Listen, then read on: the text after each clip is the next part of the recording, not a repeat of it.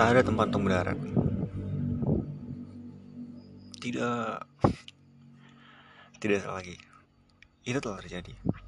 Ya sudah kembali berada di perpustakaan tengah malam. Mrs. Elm berada depan komputer, lampu-lampu berayu dan bergoyang dan mengintip di atas kepala dan persiapan aritmia yang cepat. Nora, berhenti. Tenanglah. Jadilah anak baik. Aku perlu membereskan ini. Debu berjatuhan dalam solo-solo tipis dari langit-langit dari celah-celah yang panjang dan sempit lalu menyebar seperti jaring laba-laba yang diraju dalam kecepatan yang tidak wajar. Terdengar bunyi kehancuran yang aktif dan mendadak yang dalam kemarahan sedihnya berhasil diabaikan orang.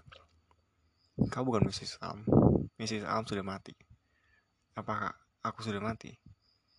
Kita sudah membahas ini. Tapi sekarang setelah kau mengungkitnya, mungkin kau sebentar lagi akan mati. Kenapa aku tidak tetap berada di sana? Kenapa aku tidak berada di sana? Aku bisa merasakan ini akan terjadi, tapi aku tidak menginginkannya. Kau bilang kalau aku menemukan kehidupan yang ingin ku jalani, yang betul-betul ingin ku jalani, aku akan tetap berada di sana. Kau bilang aku akan melupakan tempat bodoh ini. Kau bilang aku bisa menemukan kehidupan yang kuinginkan. Itulah kehidupan yang kuinginkan, kehidupan yang itu. Beberapa saat yang lalu, ia berada di kebun bersama As, Molly, dan Plato. Kebun yang berengung dengan kehidupan dan cinta, dan sekarang ia ada di sini. Bawa aku kembali. Kau tahu cara kerjanya, tidak seperti itu. Ya, bawa aku ke variasi terdekat. Beri aku hal terdekat yang dimungkinkan dengan kehidupan yang itu. Tolonglah, Mrs. Sam. Itu harus mungkin. Pasti ada sesuatu kehidupan tempat aku pergi minum kopi bersama As dan tempat kami memiliki Molly dan Plato. Tapi aku aku melakukan sesuatu yang agak berbeda. Jadi secara teknis itu adalah kehidupan yang berbeda. Misalnya aku memilih kalung anjing berbeda untuk Plato atau atau atau tempat aku ah entahlah tempat aku berlatih pilates dan bukan yoga. Atau tempat aku kuliah di kampus lain di Cambridge. Atau kalau perlu mundur lebih jauh lagi. Itu bukan kencan minum kopi tapi minum teh bersama kehidupan yang itu. Bawa kehidupan tempat aku melakukan itu. Ayolah tolong bantu aku. Aku ingin mencoba salah satu kehidupan yang itu tolonglah. Komputer mulai berasap. Layarnya gelap. Seluruh monitor jatuh berkeping-keping. Kau tidak mengerti ujar Mrs. Lam kalah. Sewaktu ia mengempaskan diri ke kursi kerja. Tapi itulah yang terjadi kan Aku memilih satu penyesalan, sesuatu yang kuharap lakukan secara berbeda, lalu kau menemukan buku itu, aku membukanya, dan aku menjalani kehidupan buku itu. Begitulah cara kerja perpustakaan ini kan? Tidak sederhana itu. Kenapa? Apakah ada masalah transference? Kau tahu, seperti yang terjadi sebelum ini. Mrs. L menatapnya sedih. Lebih daripada itu. Selalu ada kemungkinan kuat bahwa kehidupan lamamu akan berakhir. Aku pernah memberitahumu soal itu kan? Kau ingin mati dan mungkin kau akan mati. Iya, tapi kau bilang aku hanya butuh suatu tempat untuk dituju, suatu tempat untuk mendarat. Itu katamu, kehidupan lain. Itu kata-kata persismu. Bahwa satu-satunya yang kuperlukan adalah berpikir cukup keras dan memilih kehidupan yang tepat dan aku tahu, aku tahu. Tapi ternyata hasilnya tidak seperti itu. Langit-langit mulai runtuh sekarang dalam potongan-potongan, seolah-olah plasternya tak lebih stabil dari perlapisan gula di kek pengantin. Nara menyadari sesuatu yang lebih mencemaskan. Bunga api memencik dari salah satu lampu dan mendarat ke sebuah buku, yang kemudian menyulut menjadi ledakan api yang menyala-nyala. Dalam waktu singkat, api menyebar ke santero rak, buku-buku dengan cepat di dalam api seolah-olah mereka disirami bensin.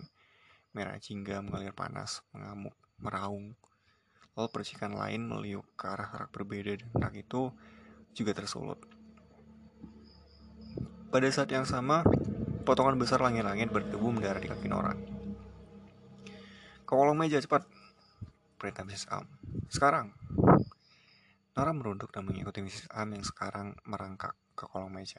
Tempatnya duduk di atas lututnya dan seperti seperti Mrs. Am terpaksa menjaga kepalanya tetap menunduk. Kenapa kau tidak bisa menghentikan ini? Ini sudah menjadi reaksi berantai sekarang. Percikan-percikan itu tidak acak. Buku-buku itu akan dihancurkan. Lalu Hal yang juga tak terhindarkan, seluruh tempat ini akan roboh. Kenapa? Aku tidak mengerti. Aku ada di sana. Aku telah menemukan kehidupan untukku. Satu-satunya kehidupan untukku. Kehidupan terbaik dalam sini. Tapi Justru itu masalahnya, kata Mrs. Lam dengan gugup dan keluar dari bawah kaki kayu meja ketika semakin banyak kerak yang terbakar dan runtuhan mengelilingi mereka. Itu masih belum cukup. Lihat. Lihat apa? Arlojimu sewaktu-waktu sekarang. Jadi Nora melihat dan awalnya tidak melihat ada yang aneh, tapi kemudian itu terjadi. Arlojinya tiba-tiba bereaksi, layaknya arloji. Apa yang terpampang di layar mulai bergerak.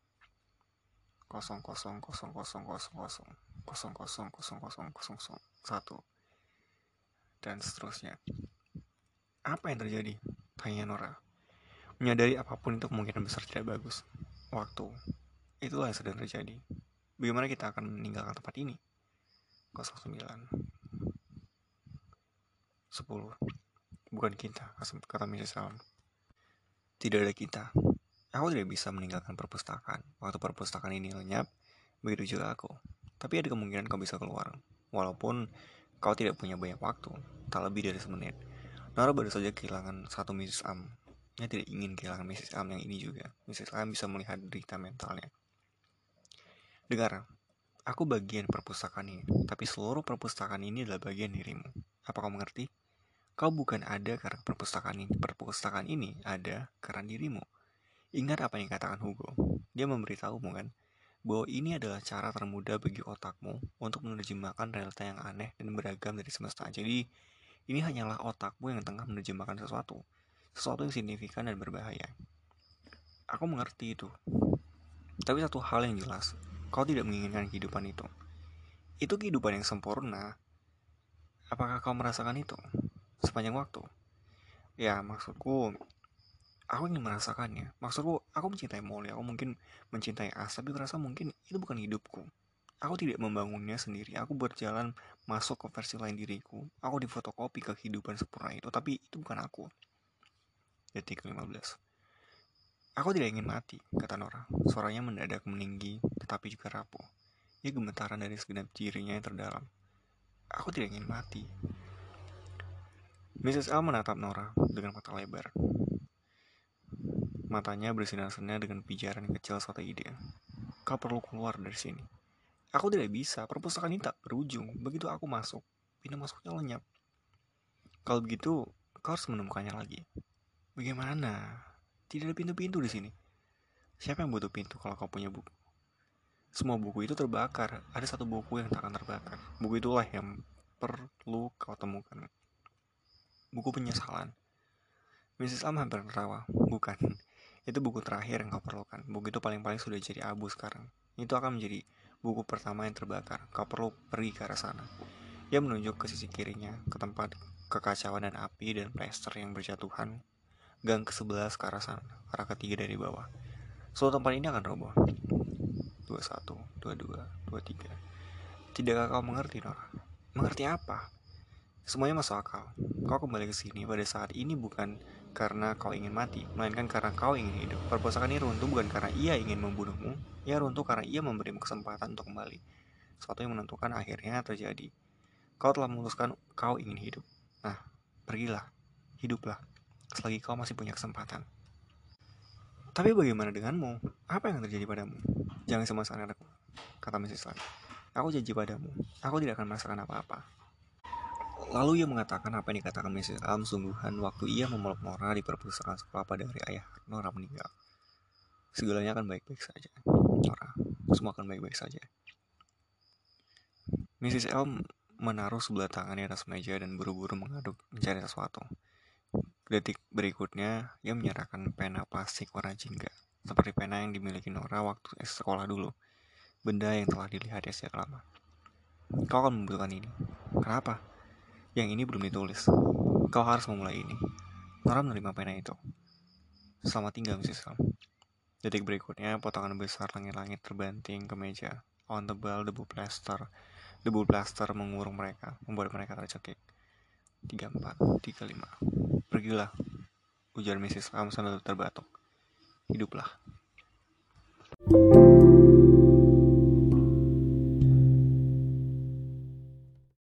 Jangan menyerah, Norasin. Nora berjalan melewati kabut debu dan asap ke arah yang ditujukan Michelle sementara langit-langit terus berjatuhan.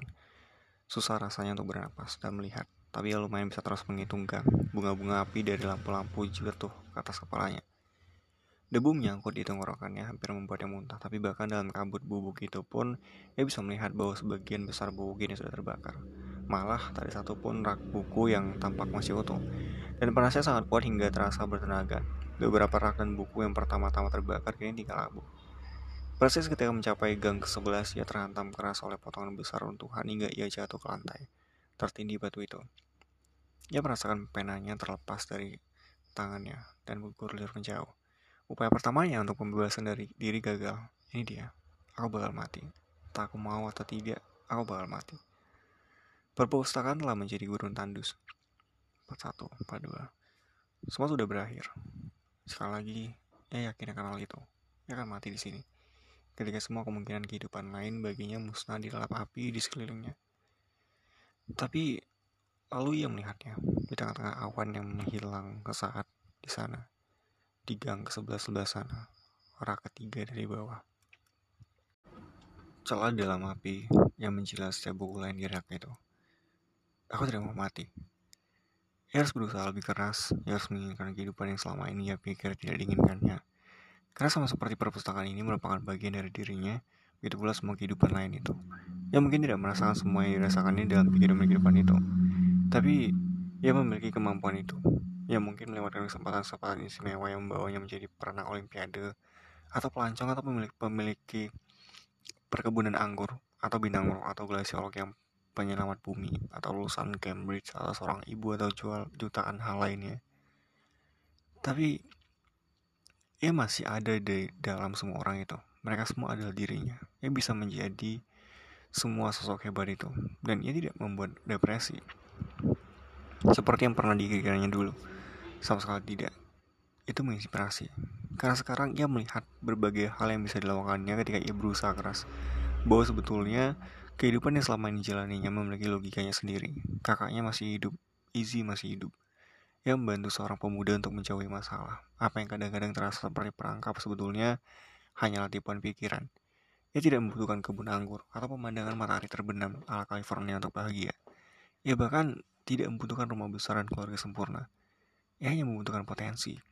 Dan ia punya potensi. Ia heran kenapa ia tidak pernah melihatnya.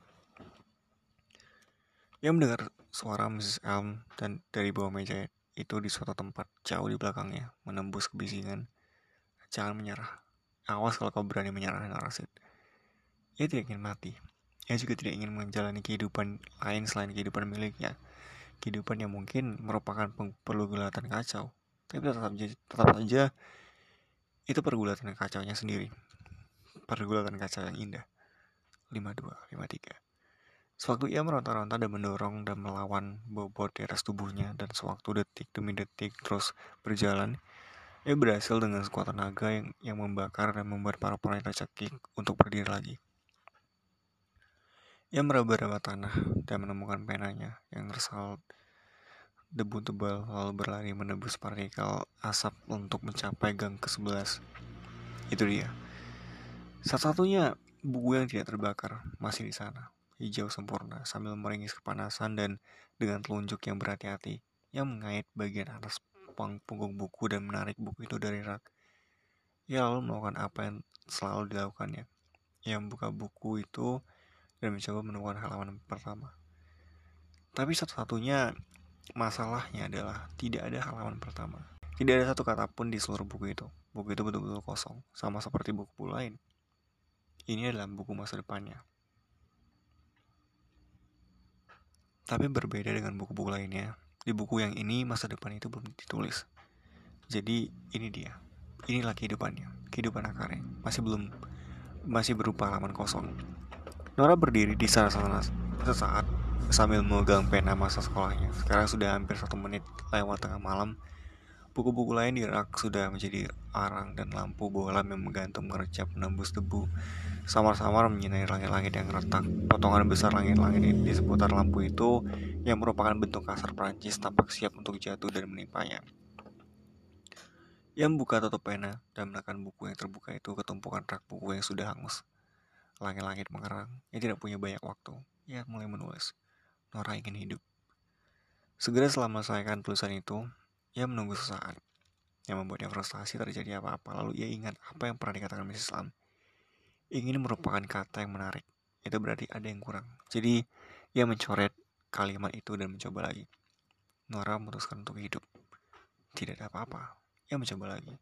Nora sudah siap untuk hidup. Masih tidak ada apa-apa. Bahkan ketika ia menggaris bawahi kata hidup, di mana-mana sekarang hanya ada puing dan runtuhan. Langit-langit mulai jatuh, membuat semuanya rata dengan tanah. Menghancurkan tiap-tiap rak buku hingga menjadi tumpukan debu. Ia menganga dan melihat sosok Mrs. M keluar dari kolong meja tempat wanita itu tadi melindunginya. Berdiri di sana tanpa rasa takut sama sekali, lalu menghilang sewaktu atau peroboh hampir di mana-mana, memadamkan sisa api dan menghancurkan tumpukan rak dan semua hal lainnya. Nora tersedak tidak bisa melihat apa-apa sekarang. Tetapi bagian perpustakaan yang ini masih bertahan dan ia masih ada di sana. Sewaktu-waktu sekarang, semuanya akan hilang. Ia tahu itu. Jadi ia berhenti mencoba untuk memikirkan tentang apa yang harus ditulis dan dalam keputusasaan, ia hanya menulis hal pertama yang terpikir olehnya. Hal pertama yang ia rasakan dalam dirinya seperti raungan hening perlah perlawanan yang mampu mengalahkan kehancuran eksternal apa pun satu-satunya kebenaran yang ia miliki. Kebenaran yang kini membuatnya bangga dan puas. Kebenaran yang bukan saja setelah diterima, melainkan juga disambutnya dengan tangan terbuka. Dengan setiap molekul berapi-api dalam dirinya. Kebenaran yang ditulisnya buru-buru tapi mantap. Menekan kertas dalam-dalam dengan ujung pena dalam huruf-huruf kapital dalam struktur kalimat kata ganti orang pertama dan saat sekarang kebenaran yang merupakan awal mula dan bibi dari segala sesuatu yang mungkin, yang dulunya adalah kutukan dan sekarang anugerah. Dua kata sederhana yang mengandung kekuatan dan potensi multi semesta. Aku hidup. Setelah itu, tanah berguncang hebat dan setiap puing terakhir perpustakaan tengah malam luruh jadi debu.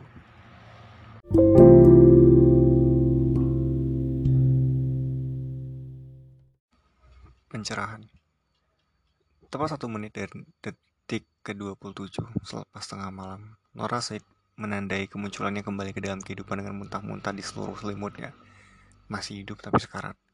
Tercekik, kelelahan, dehidrasi, kewalahan, gemetar berat. Mengalami delirium, sakit tidak ada lebih sakit lagi di kepala. Ini adalah yang terburuk yang bisa dirasakan dalam kehidupan. Tapi tetap saja, ini adalah kehidupan. Kehidupan yang persis yang diinginkannya. Sungguh berat, hampir mustahil untuk menarik diri dari ranjang. Tapi ia tahu, ia harus memaksa badannya berdiri. Entah bagaimana, ia berhasil melakukannya. Lalu ia mencengkramkan ponselnya, tapi benda itu terasa terlalu berat dan licin untuk dipegang dan jatuh ke lantai dan tak bisa dilihat ya. Tolong, ujarnya serak. Terhuyung-huyung keluar kamar. Lorongnya terasa miring seperti kapal dalam amukan badai, tapi ia mencapai pintu tanda pingsan. Lalu menyeret kunci rantai keluar dari sangkutannya dan berhasil dengan susah payah untuk membukanya. Tolong aku. Ia hampir tidak sadar hujan masih turun ketika ia melangkah keluar dalam piyamanya bernoda muntah melewati anak tangga tempat As berdiri tak sampai sehari sebelumnya untuk memberitahukan kabar kematian kucingnya. Tidak ada siapa-siapa, tak ada yang bisa dilihatnya. Jadi ia terhuyung-huyung ke arah rumah Mr. Banerjee dalam rangkaian langkah tersandung-sandung dan terpleset yang memusingkan akhirnya berhasil memencet bel pintu. Cahaya persegi mendadak muncul dari jendela depan, pintu terbuka. Mr. Banarji memakai kecepatannya dan bingung. Mungkin karena melihat kondisi Nora dan itu sudah sangat malam. Maaf Mr. Banarji, aku telah melakukan sesuatu yang sangat bodoh. Tolong telepon ambulan. Ya Tuhan, apa yang terjadi? Tolong. Iya, akan telepon segera. 348 dan saat itulah Nora mengizinkan dirinya sendiri untuk roboh ke depan dan dengan lumayan cepat, persis ke keset Mr. Banerjee. Langit berubah gelap, hitam mengatasi biru, namun bintang-bintang masih berani bersinar untukmu.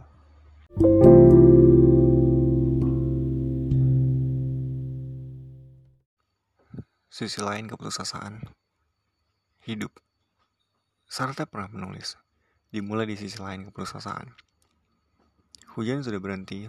Ia berada dalam dan duduk di ranjang rumah sakit. Ia ditempatkan di bangsal, sudah makan dan merasa jauh lebih baik. Staf medis di sana senang selama meriksanya. Rupanya abdomen yang masih perih sudah diduga. Ia mencoba membuat dokter terkesan dengan memberitahu fakta yang dikatakan As kepadanya tentang lapisan dalam perut yang memperbarui diri setiap beberapa hari sekali.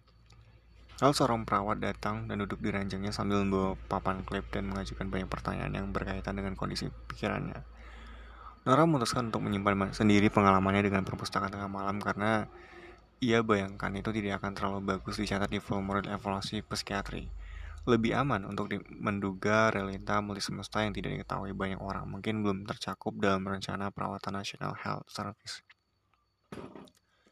Pertanyaan-pertanyaan dan jawaban-jawaban itu berlanjut sampai kira-kira sejam. Mereka mencakup pengobatan, kematian ibunya, false, kehilangan pekerjaan, kecemasan finansial, diagnosis depresi situasional. Apa kau pernah mencoba hal semacam ini? Tanya perawat. Tidak dalam, dalam kehidupan yang ini. Lantas bagaimana perasaanmu sekarang? Aku tidak tahu, agak aneh. Tapi aku sudah tidak ingin mati lagi. Penulis mencatat ke formulir itu. Dari balik jendela, setelah perawat pergi, Nora mengawasi pohon-pohon yang berayun lembut di tiup angin sore dan kepadatan lalu lintas jam sibuk son perlahan-lahan di sepanjang jalan melingkar Bedford. Tak ada hal lain selain pepohonan dan lalu lintas dan arsitektur mediocre, tapi itu juga segalanya. Itu adalah kehidupan. Saat kemudian, ia menghapus postingan-postingannya di media sosial berkaitan dengan bunuh diri, dan dalam momen sentimental tulus, ia menulis hal berbeda. Yang diberinya judul Satu Hal Yang Kupelajari, ditulis oleh bukan siapa-siapa yang telah menjadi semua orang.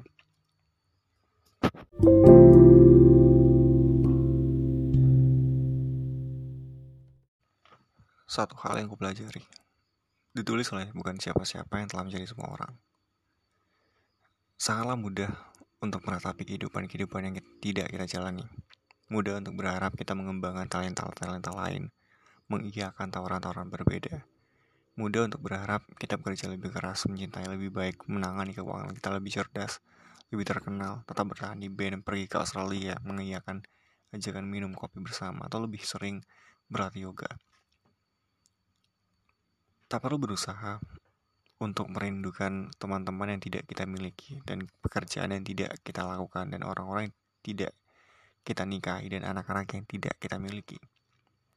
Tidaklah susah untuk melihat dirimu sendiri dari kacamata orang lain dan untuk berharap kamu merupakan versi-versi kaleidoskop yang mereka inginkan dari dirimu.